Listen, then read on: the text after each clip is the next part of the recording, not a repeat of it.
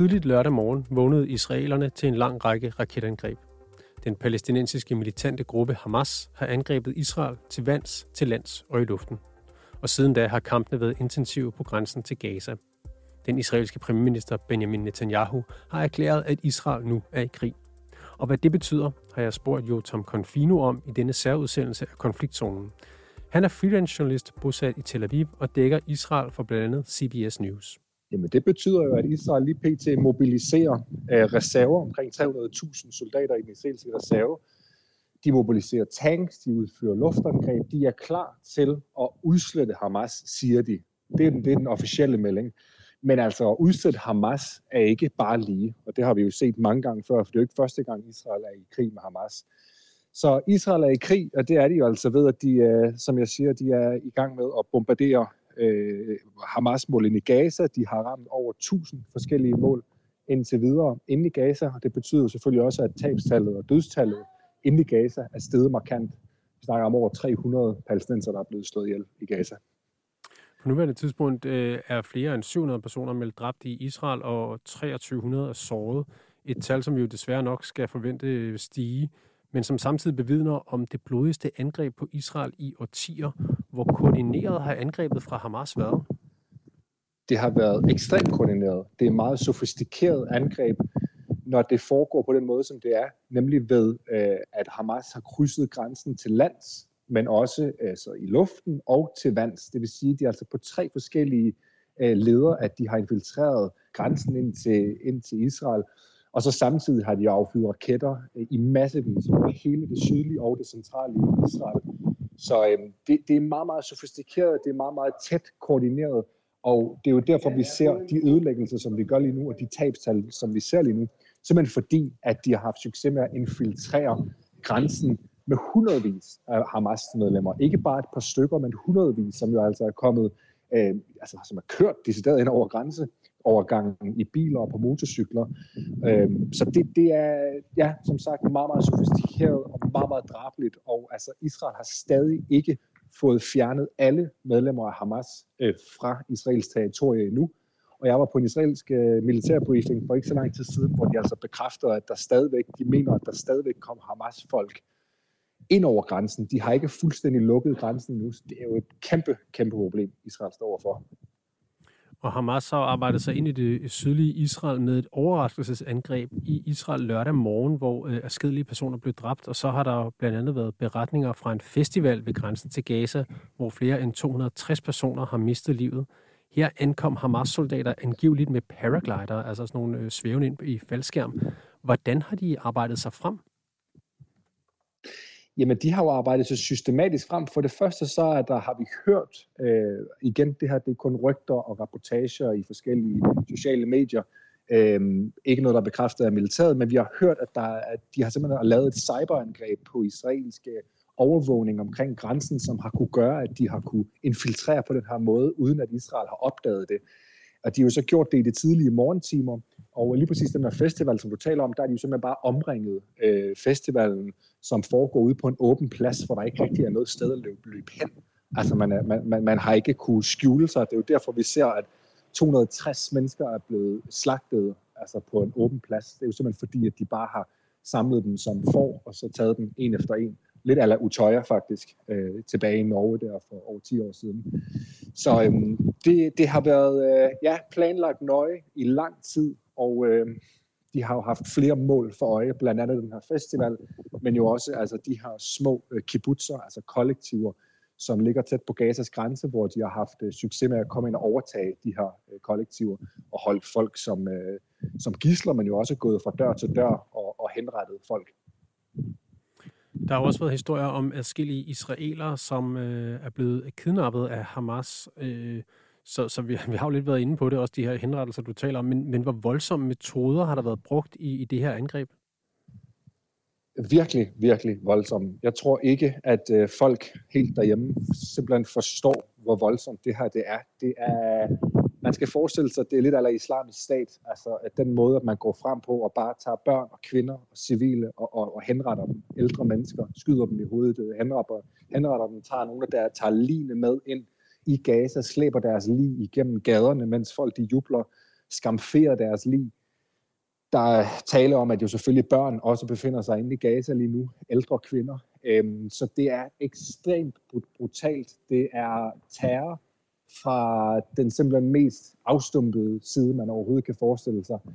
Øhm, og de har, jo for, de har jo simpelthen altså, gået systematisk efter at få slået så mange mennesker ihjel, og fået taget så mange gisler som muligt, og det har de jo så også gjort i form af, at de har taget cirka 100 gisler. Det er det, man regner med. Og det er i sig selv en fuldstændig scenarie for Israel at stå med så mange mennesker, som man på en eller anden måde skal have løsladt. Hvad med det israelske øh, modsvar? Øh, kommer det, altså, øh, bliver det også brutalt, eller hvordan, hvordan kommer det til at, ligesom at matche det her angreb? Ja, man kan sige, det er jo allerede brutalt nu i den forstand, at Israel øh, har siger, at det her det er en helt anden type situation, når man står i. Man har været førhen, man er i krig, og man kommer til at, at simpelthen at gennemsmadre øh, Hamas. Det er, jo, det, det er jo i virkeligheden det, man siger. Og man har været ude at sige nu, at Hamas' leder, Yahya Sinwar, han er en død mand. Altså man jagter dem simpelthen. Man forsøger at finde ud af, hvor de er, og så forsøger man at, at ramme dem med luftangreb. Og der, man har ramt hans hjem blandt andet. Så man går efter Hamas' lederskab, men man udfører jo også bare altså systematisk de her luftangreb. Øhm, og øh, det, det er jo noget, som, altså, som rammer selvfølgelig Hamas infrastruktur, men det rammer også øh, civile. Det er jo det, vi, det, altså tabstallet, dødstallet stiger jo markant, det kan vi se.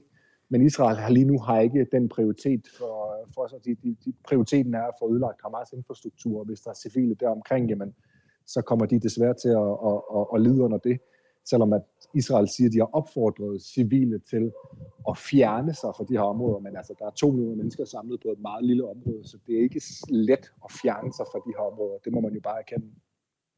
Og du, du taler her om øh, luftangreb, og dem har der jo været afskillige af øh, flere end 500 bare i nat, lyder det. Og premierminister Benjamin Netanyahu har desuden annonceret, at han vil indsætte 100.000 reservesoldater.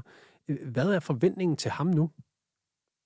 Jamen forventningen er jo, at øh, han nu øh, en gang for alle får løst det her problem. Men igen, det er jo sådan nogle floskler, altså løst problemet, fjernet Hamas fra magten. Hvad er det, man mener? Fordi hvis man mener, at man skal fjerne Hamas fra magten, så bliver man nødt til at gå ind med landtropper. Det er meget, meget simpelt. Du kan ikke fjerne Hamas ved at udføre luftangreb, for de gemmer sig alle mulige steder.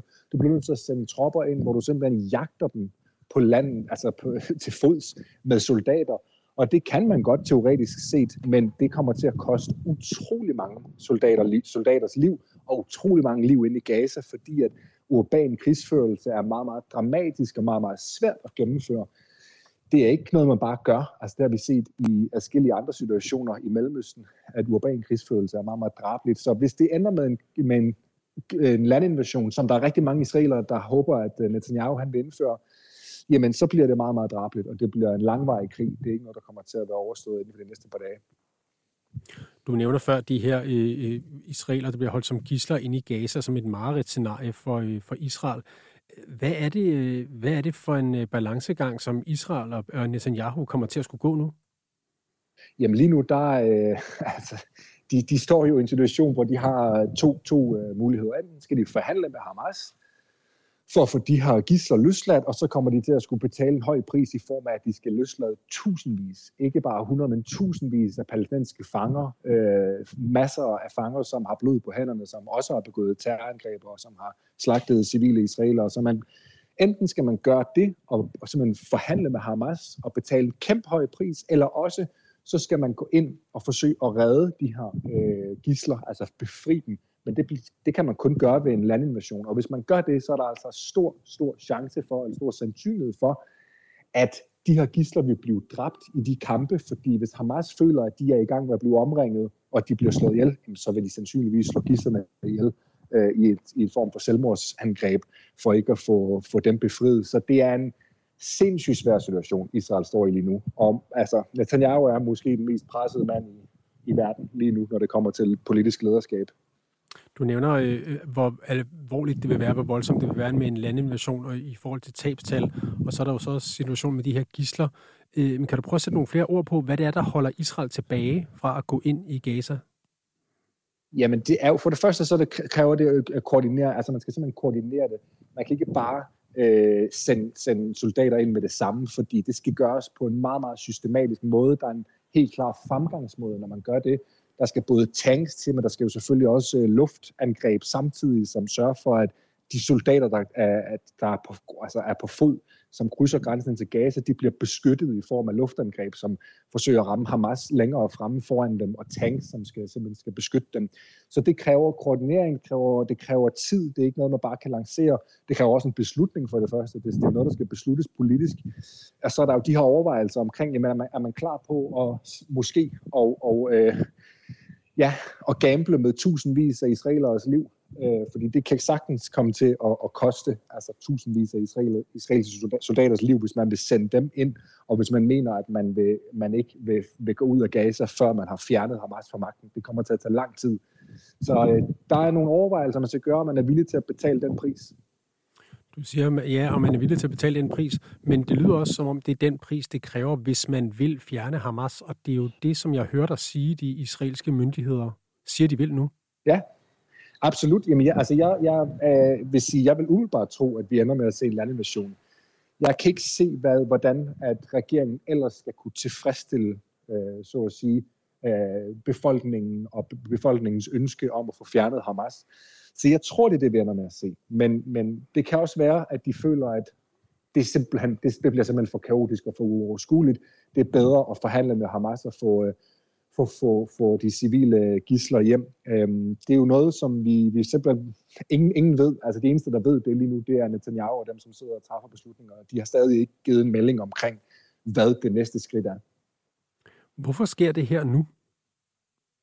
Ja, det er, jo, det er jo et helt stort spørgsmål, som alle israelere stiller sig. For det første så er Israel jo svækket sådan rent samfundsmæssigt i den forstand, at landet er delt i to på grund af de her juridiske reformer fra regeringens side, som svækker højesteret. Så det har gjort, at der er intern stridighed, og der er masser af soldater i reserven, som har sagt, at de ikke længere vil aftjene værnepligt. Øh, så Israel er svækket øh, mere, end det plejer. Så det er jo en grund, men den anden grund er jo også, at Hamas, deres overordnede mål er jo at udslætte staten Israel. Så det her angreb er jo noget, de har planlagt i lang tid. Og man kan sige, at de angreb en lørdag morgen, altså den jødiske sabbat om morgenen, og det var i oven købet også en anden jødisk øh, højtid. Så øh, det var jo et godt tidspunkt for dem, mente de, og det kan man jo se, at det var det, fordi øh, Israel var til synligheden ikke klar overhovedet, men det er noget, der har taget lang tid at planlægge, øh, og de har jo så ment, at lige præcis det her tidspunkt ville være, ville være det rigtige tidspunkt at angribe på. Men der er ikke noget, øh, som siger, nogle større strømninger, som gør, at det bliver lige nu. Du siger, det har været forberedt noget tid, jo, men, men hvorfor så i år? Hvorfor, hvad er det, der, der gør, at, at Hamas kaster sig ud det her nu? Ja, altså de, deres officielle melding er jo, at Israel har krydset en rød linje ved at øh, storme Al-Aqsa-moskeen, som de kalder det, og det, det er ikke helt rigtigt. Altså det, det er en forkert øh, sprogbrug. Jøder har besøgt Tempelbjerget, som er det helligste sted for jøder, øh, hvor at Al-Aqsa-moskeen ligger ovenpå. Der er masser af jøder, der har besøgt det her område, og det mener, det mener Hamas er en provokation de mener ikke, at det er, det vil de ikke finde sig i. De mener, at det er deres, og de mener, at, at israelerne og jøderne stormer deres, helligste, deres tredje helligste sted. Det er den ene forklaring, og så den anden forklaring, det er, at de siger, at palæstinensiske fanger i israelske fængsler bliver behandlet forfærdeligt, og de har længe sagt til Israel, at de ikke vil finde sig i det. Så det er sådan to officielle forklaringer, men, men det er sådan mere, du ved, det er nogle, ja, nogle forklaringer, som de ligesom skal komme med, men hvis man kigger overordnet på det, så er deres, øh, deres mål jo at udslætte staten Israel. Det er jo det, der ligesom er, det er det, ligesom det, der driver dem. Hvad skal vi så holde øje med nu? Du siger, at, øh, at det er jo kun, øh, stadig kun Netanyahu og hans nærmeste kreds, der ved, hvor, hvor voldsomt det her det ender med at blive. Men, men hvad holder du øje med? Jeg holder øje med øh, de gisler, som der er, øh, fordi at der er forlyden om, at der både er amerikanere og franskmænd og muligvis også britter, øh, som faktisk er taget til fange.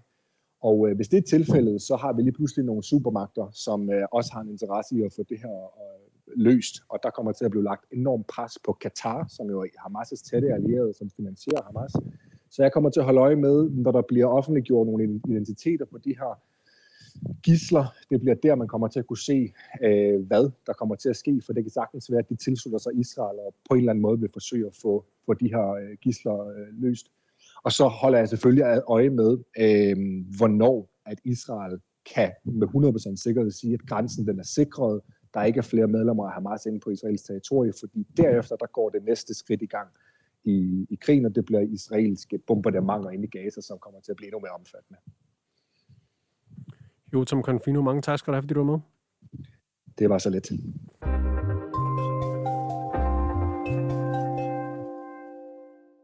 Og sådan lød det altså fra Jotam Confino, der er freelance journalist bosat i Tel Aviv og dækker Israel for blandt andet CBS News.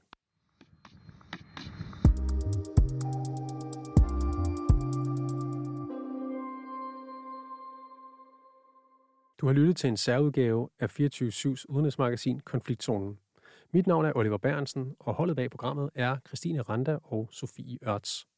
Du kan lytte til programmet live hver dag mandag til torsdag fra 8 til 8.30, og du kan selvfølgelig også finde os som podcast.